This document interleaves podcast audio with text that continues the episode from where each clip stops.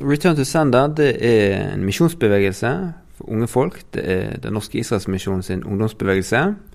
Og som navnet tilsier, så ønsker vi å gi noe tilbake igjen. Og det vi ønsker å gi tilbake igjen, er evangeliet tilbake igjen til det folket vi fikk det fra. Eh, Jesu eget folk, jødene. Så det er det vi, vi jobber med, da. Mm. Vi skal komme litt tilbake til mer om hva dere jobber med, Kristoffer Eknes. Men din vei med tanke på kristen tru, hvordan har den vært? Den har uh, vært sånn som livet ofte er. Det har vært litt opp og ned. Jeg uh, vokste opp i en kristen familie. Uh, og kom jo da fra en liten plass som heter Ostereidet, og vokste opp i både bedehus og kirka der. Og gikk på en NLM videregående, faktisk. Og trivdes godt med det. Men så, på eller annen, et eller annet stadie i tenårene, så ja, var det et eller annet med forholdet mellom Bibelen og livet som skurrer litt hos meg, da. Fordi at når vi leser Bibelen, så leser vi jo en slags Det er jo en slags lang historie der, som er Guds historie, da. Historien der Gud eh, griper inn i mennesket sitt liv. Mens det som ikke er så tydelig der, er alle de gangene han ikke er så til stede, med alle de menneskene som han ikke møter hele tida. Altså, det er jo mest profeter og litt forskjellig sånn. Så det skurrer litt for meg. Jeg greide ikke å koble helt det her eh, Gud sier at han skal gripe inn, og at han er der, og sånn, men så opplevde jeg det ikke i mitt eget liv. da. Eh, så på, etter egentlig mange opp- og nedturer så eh, bestemte jeg meg til slutt for at dette her greier jeg ikke. Jeg ser ikke at Gud er Jeg ser ikke at Gud er her. Så da satte jeg meg ned og ba i bønn, og var litt frisk. Men jeg ba, sa rett og slett til Gud at jeg greier ikke dette her, Gud. Jeg tror ikke Jeg ser ikke at du griper inn i livet mitt. Jeg Ser ikke at du endrer, endrer noe i livet mitt. Jeg Ser ikke at det blir mindre elendighet, men det blir det er det samme. Um, så nå må du enten må du gripe inn, eller så er dette vår siste samtale, da. Og så sendte jeg en melding til Marit Stokken og sa at dere kan gjerne be for dette her. Ja, hun er evangelist i Indremisjonen? Det er riktig. Og visste, det var vel mest fordi at jeg visste at de de tok inn en del bønneemner, og de tok det ofte opp med sitt nettverk. Så det var for å helgradere seg om at den var med, da. Og så, eh, ja, så ba jeg den bønnen, og så var det egentlig litt ute av verden for min del. Så, noen dager seinere, Kristoffer Eknes er på motorsykkel og på vei til jobb. Så skulle jeg på jobb oppe i Os og kjørte motorsykkel, og da eh, i en sving på Søfteland, for de som er veldig lokalkjent, så, eh, så mista sykkelen taket, og alle dekkene slapp.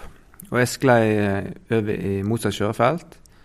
Og imot meg kom det da en eh, bobil på seks tonn, seks og et halvt tonn. Og jeg ble da kjørt over av dette hjulet og dratt opp mellom hjulet og hjulbuen. Sånn at eh, rundt bekkenområdet det lå da i klem der med liksom trykket fra bilen oppå meg, da. Så da knuste bekken eh, ja, litt hud forsvant sånn, og mista veldig mye blod. Og mista 4,5 liter blod ca. Og det er jo det du har i kroppen.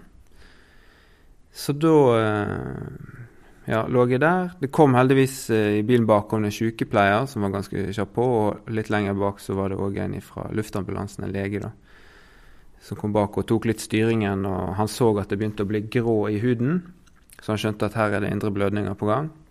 Så han satte i noen sånne ja, sånn at de kunne sette i blod eller medisiner og sånt. da. Og så fikk de meg til sykehuset og eh, ble nødoperert der. Jeg hadde vel en 15-20 minutter jeg ikke hadde blodtilførsel til hjernen.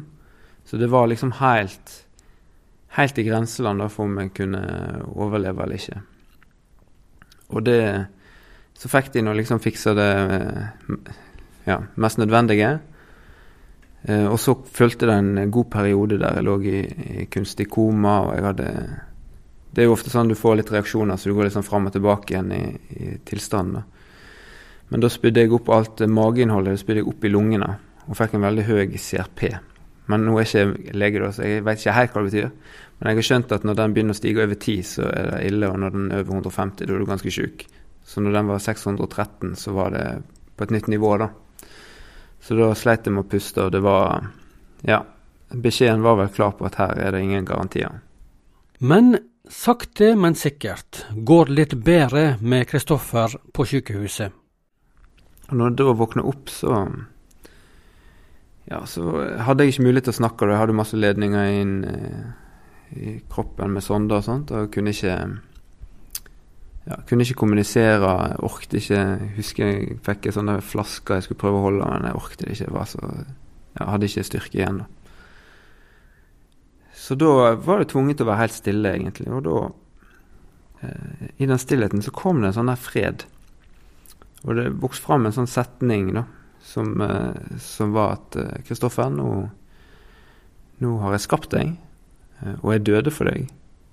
Eh, og nå har jeg på en måte gitt deg en ny sjanse igjen. Eh, er det ikke på tide at du overgir deg til, til mine hender, da? Og det tenkte jeg at jo, det er faktisk på tide. Og det var en sånn utrolig befrielse, egentlig, i det. da, At uansett hva jeg gjorde, eller uansett hva jeg gjør, eller, så kunne jeg ta det som en sannhet da, at jeg er faktisk i Guds sine hender, og det er han som Ja, det er han som eh, Det er der jeg tilhører, da. Uansett hva jeg skulle tenke annerledes. Mm. Dette er ti år siden. Det var altså i 2009 denne ulykka skjedde. Hvordan gikk livet ditt etter? Hvor lang tid gikk det før du var tilbake igjen og en, en frisk kar? Ja, altså Først så var det jo to, måned, to og en halv måned på sykehus. da. Så det var en måned på intensivavdeling, og så var det litt sånn oppfølging. Og så hadde jeg tilsvarende to og en halv måned på rehabilitering eh, på Nordåstun utenfor ja, i Bergen. Eh, og så fem måneder med, med fysioterapi. da. Eh, så da, etter da så Jeg sto faktisk på ski allerede i sånn mars eh, året etter, da. Så det var jo helt sliten selvfølgelig etterpå, men eh, Men, eh, men det, ja, så gikk det litt opp og ned, og du får litt sånn der eh, Spesielt når det gjelder energi og sånn, så får en litt sånn følge Så på en måte før jeg ble kvitt spesielt migrene og sånt som fulgte, eller en slags hodepine, da, ikke migrene, men hodepine og utmattelse, så tok det nok kanskje en to år da, før det var så å si sluppet taket. Men jeg var i jobb igjen i 100 og etter et år ca. Kristoffer mm. Eknes er gjest i dag. For ti år siden var han utsatt for ei alvorlig motorsykkelulykke og var nær på å miste livet. Under oppholdet på sykehuset overgav han seg i Guds hender. Og etter det fikk han en trang til å dele kristentrua med andre. Altså, Først så skapte det et, det skapte et ganske stort behov, egentlig fra starten av, om å dele dette da, på en måte som, som, var fin. Og med litt medisiner så ble det en slags eh, veldig evangelisering på sykehuset, da. Men jeg er litt usikker på om det var ånd eller om det var eh, drugs, holdt på å si. Men, eh, men etter hvert så likevel det å, å, dele det jeg trodde på, det ble ganske viktig for meg. Um, og jeg brukte en del eh, tid på å snakke om andre. Og så, ja, så ble det en sånn integrert del. Altså, jeg tror på noe, og det har jeg et behov for å dele med andre. Um, og så ja, gjorde litt forskjellig. Det som sånn helt konkret jeg gjorde, som på en måte forandra livet mitt ganske, på ganske mange måter, var at jeg, jeg ble litt interessert i, liksom, i Bibelen, selvfølgelig, og ble litt interessert i det som ja, plassene det har skjedd, og både Israel, men òg liksom disse andre vi ser i Midtøsten. da. Så jeg likte litt sånn misjonsorganisasjoner, og Den norske Israelsmisjonen var en av de da. Og et par dager etter jeg hadde trykt eh, 'liker' på den, så kom det opp en sånn annonse 'Vil du bo i Jerusalem et år?' Og det tenkte jeg ja, det vil jeg. Så da sendte jeg inn en søknad, og det tok vel et par dager. Så var jeg på intervju, og så ble jeg sendt ut som volontør da, til eh, Tel Aviv. Når var det? Dette var eh, 2011-2012. Så det var eh, Så jeg hadde en liten periode imellom der. Mm. Hvis du skulle si noe om hva kristen trua betyr for deg i dag, ti år etter denne opplevelsen her, hva ord vil du da bruke? Jeg tror jeg ville sagt trygghet. Fordi jeg tror det var det som jeg mangla mest. Det var en slags trygghet på at, eh, på at dette gjelder meg òg, da. At dette er ja, at det er en slags sannhet jeg kunne gripe. For jeg tror en kan, en kan alltids eh, bli mer eller mindre overbevist om Bibelen, både troverdighet og alt dette der. Men på et eller annet tidspunkt så må en på en måte Hvis jeg da bare for min del og fikk trygghet for det og kunne bestemme for at dette er sant. da. Dette er en sannhet. Jeg tilhører Gud. Så på en måte løsner det ganske mye. En litt sånn ny dimensjon inn, da. Så trygghet tror jeg er ganske sånn fin, et fint ord. Mm.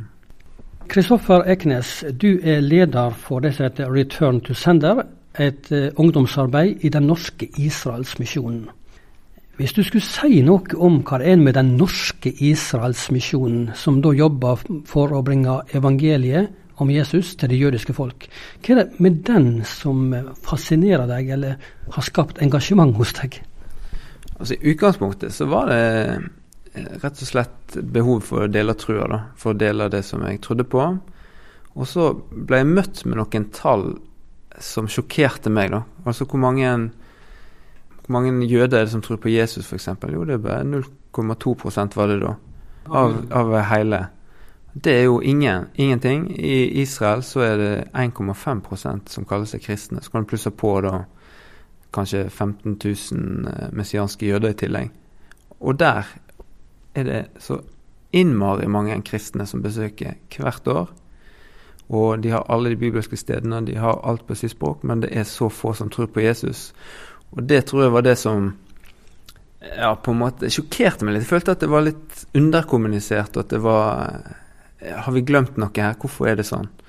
Så det var sånn rent deskriptivt. Og at de trenger Jesus der òg, selvfølgelig. Og eh, en har ikke gjort nok da, for det.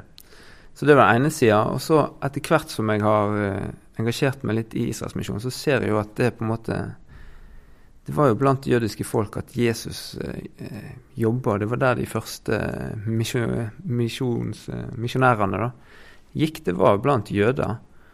Og, og en liksom brukte hele Det gamle testamentet, hele kulturen. Han brukte alt det i måten å, eh, å kommunisere på. da, Altså både Jesus og, og disiplene og apostlene.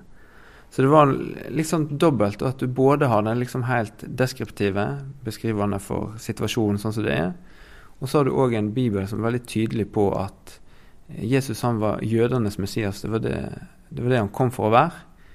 Og så ble det til del for oss alle, da. Gjennom det at han oppfylte de løftene som du leser om i Det gamle testamentet. Så blir det tilgjengelig for alle folk. Så det er liksom helheten i det, da. Og Nå er du leder for det som heter Return to Sender, som altså er ungdomsarbeidet til Den norske Israelsmisjonen. Kort fortalt, hva jobber dere med? Veldig kort fortalt så prøver vi å engasjere unge til å eh, delta i misjonen.